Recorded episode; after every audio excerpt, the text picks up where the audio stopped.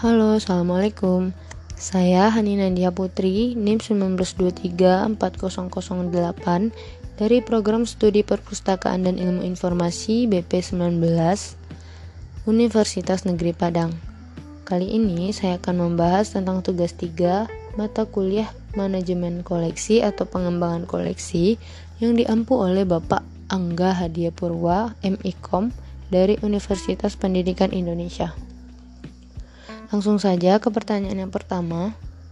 Kebijakan merupakan panduan dalam bertindak, terutama dalam kegiatan sehari-hari, dengan maksud untuk menciptakan keseragaman dalam mengelola sebuah organisasi. Silakan deskripsikan pendapat Anda terkait dengan hal tersebut dan kaitkan dengan tujuan sebuah organisasi. Jawaban saya untuk pertanyaan yang pertama yaitu kebijakan memang panduan dalam bertindak baik dalam kehidupan sehari-hari ataupun dalam organisasi. Dalam mengelola organisasi, kebijakan sangat penting karena organisasi merupakan perkumpulan beberapa orang dengan kualitas dan isi kepala yang berbeda-beda. Pada dasarnya, setiap anggota organisasi mempunyai sudut pandangnya masing-masing dalam mengelola sebuah organisasi. Karena itulah, kebijakan sangat berperan penting dalam pengelolaan organisasi dengan maksud untuk menyamakan dan menyelaraskan peran setiap anggota dalam mengelola organisasi. Kebijakan tersebutlah yang akan menjadi panduan dan patokan bagi setiap anggota dalam menjalankan dan mengelola organisasi. Pertanyaan kedua, kebijakan dalam sebuah organisasi dapat digunakan untuk A menangani masalah yang ada di dalam organisasi, B. sebagai panduan setiap orang dalam pembuatan keputusan, C. memastikan konsisten dalam pencapaian tujuan organisasi, D. menjadi panduan dalam menangani masalah-masalah yang aktual, E. menjelaskan nilai-nilai dan tujuan organisasi, F. membuat komitmen dengan tujuan organisasi, yang terakhir, memenuhi hak-hak staf. Dari uraian di atas, kemukakan pendapat Anda pada poin-poin tersebut minimal 2 poin.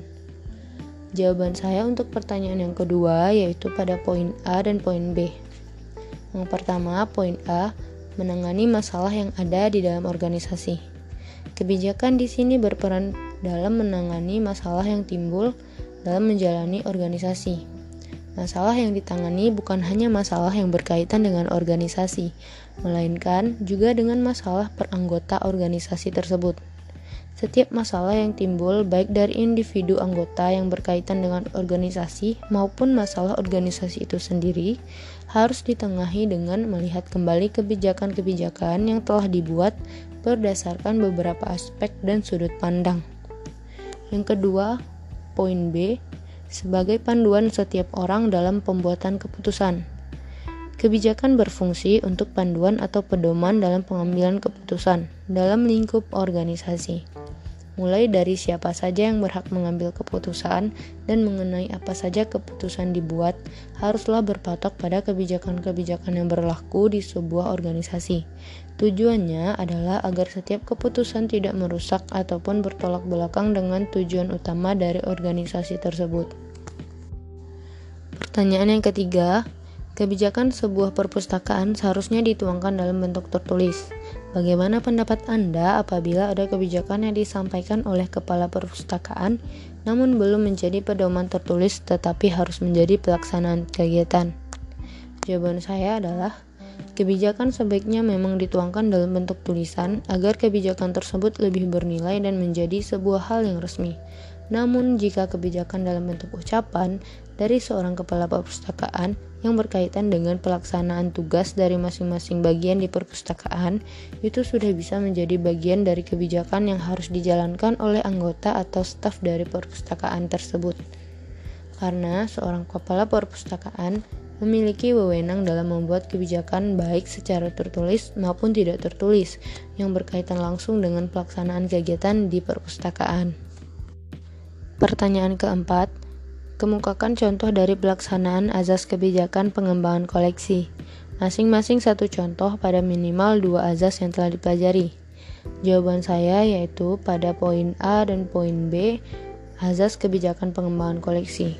Yang pertama, poin A, kerelevanan atau relevan. Contohnya, di Perpustakaan Fakultas Bahasa dan Seni Universitas Negeri Padang memfokuskan koleksi di bidang bahasa, sastra, dan seni. Koleksi bahasa dan sastra yang ada di perpustakaan tersebut memfokuskan lagi pada koleksi bahasa Indonesia dan bahasa Inggris. Fokus utama dari koleksi perpustakaan di Fakultas Bahasa dan Seni Universitas Negeri Padang tersebut Tujuannya memberikan ketepatan informasi dan keselarasan informasi dengan program studi-program studi di fakultas tersebut. Sebenarnya, koleksi di sana tidak hanya pada bidang informasi, bahasa, sastra, dan seni saja, namun juga mengenai bidang lainnya seperti perpustakaan, pendidikan, dan jenis buku umum atau informasi umum lainnya. Yang kedua, poin B, fokus on user. Contohnya, koleksi di Perpustakaan Fakultas Bahasa dan Seni Universitas Negeri Padang memfokuskan pengguna atau pemustakanya pada mahasiswa, bukan dosen. Karena itu, koleksi di sana lebih banyak memuat buku-buku bacaan atau terbitan lainnya untuk mahasiswa yang berkaitan dengan fokus utama bidang informasi yaitu bahasa, sastra, dan seni.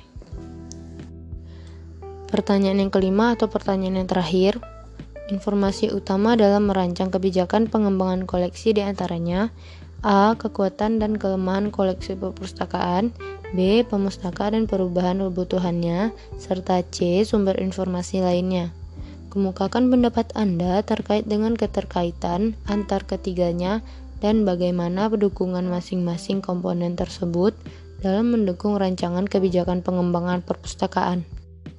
Jawaban saya untuk pertanyaan yang kelima ini adalah dalam perancangan kebijakan pengembangan koleksi memang harus melihat dari tiga aspek tersebut. Karena dari ketiga aspek tersebut dapat ditentukan tentang bagaimana dan apa saja yang diperlukan dalam membuat atau merancang kebijakan pengembangan koleksi di perpustakaan. Serta dalam merancang kebijakan pengembangan koleksi juga harus melihat dari segi azas yang berlaku untuk perancangan kebijakan tersebut agar nantinya koleksi di perpustakaan lebih tepat dan berguna bagi pemustaka. Baiklah, cukup sekian pembahasan tentang tugas 3, materi kebijakan pengembangan koleksi di perpustakaan mata kuliah manajemen koleksi atau pengembangan koleksi. Saya Hani Nadia Putri, mohon undur diri. Terima kasih sudah mendengarkan podcast saya hari ini. Sampai jumpa di podcast episode-episode berikutnya. Terima kasih. Assalamualaikum warahmatullahi wabarakatuh.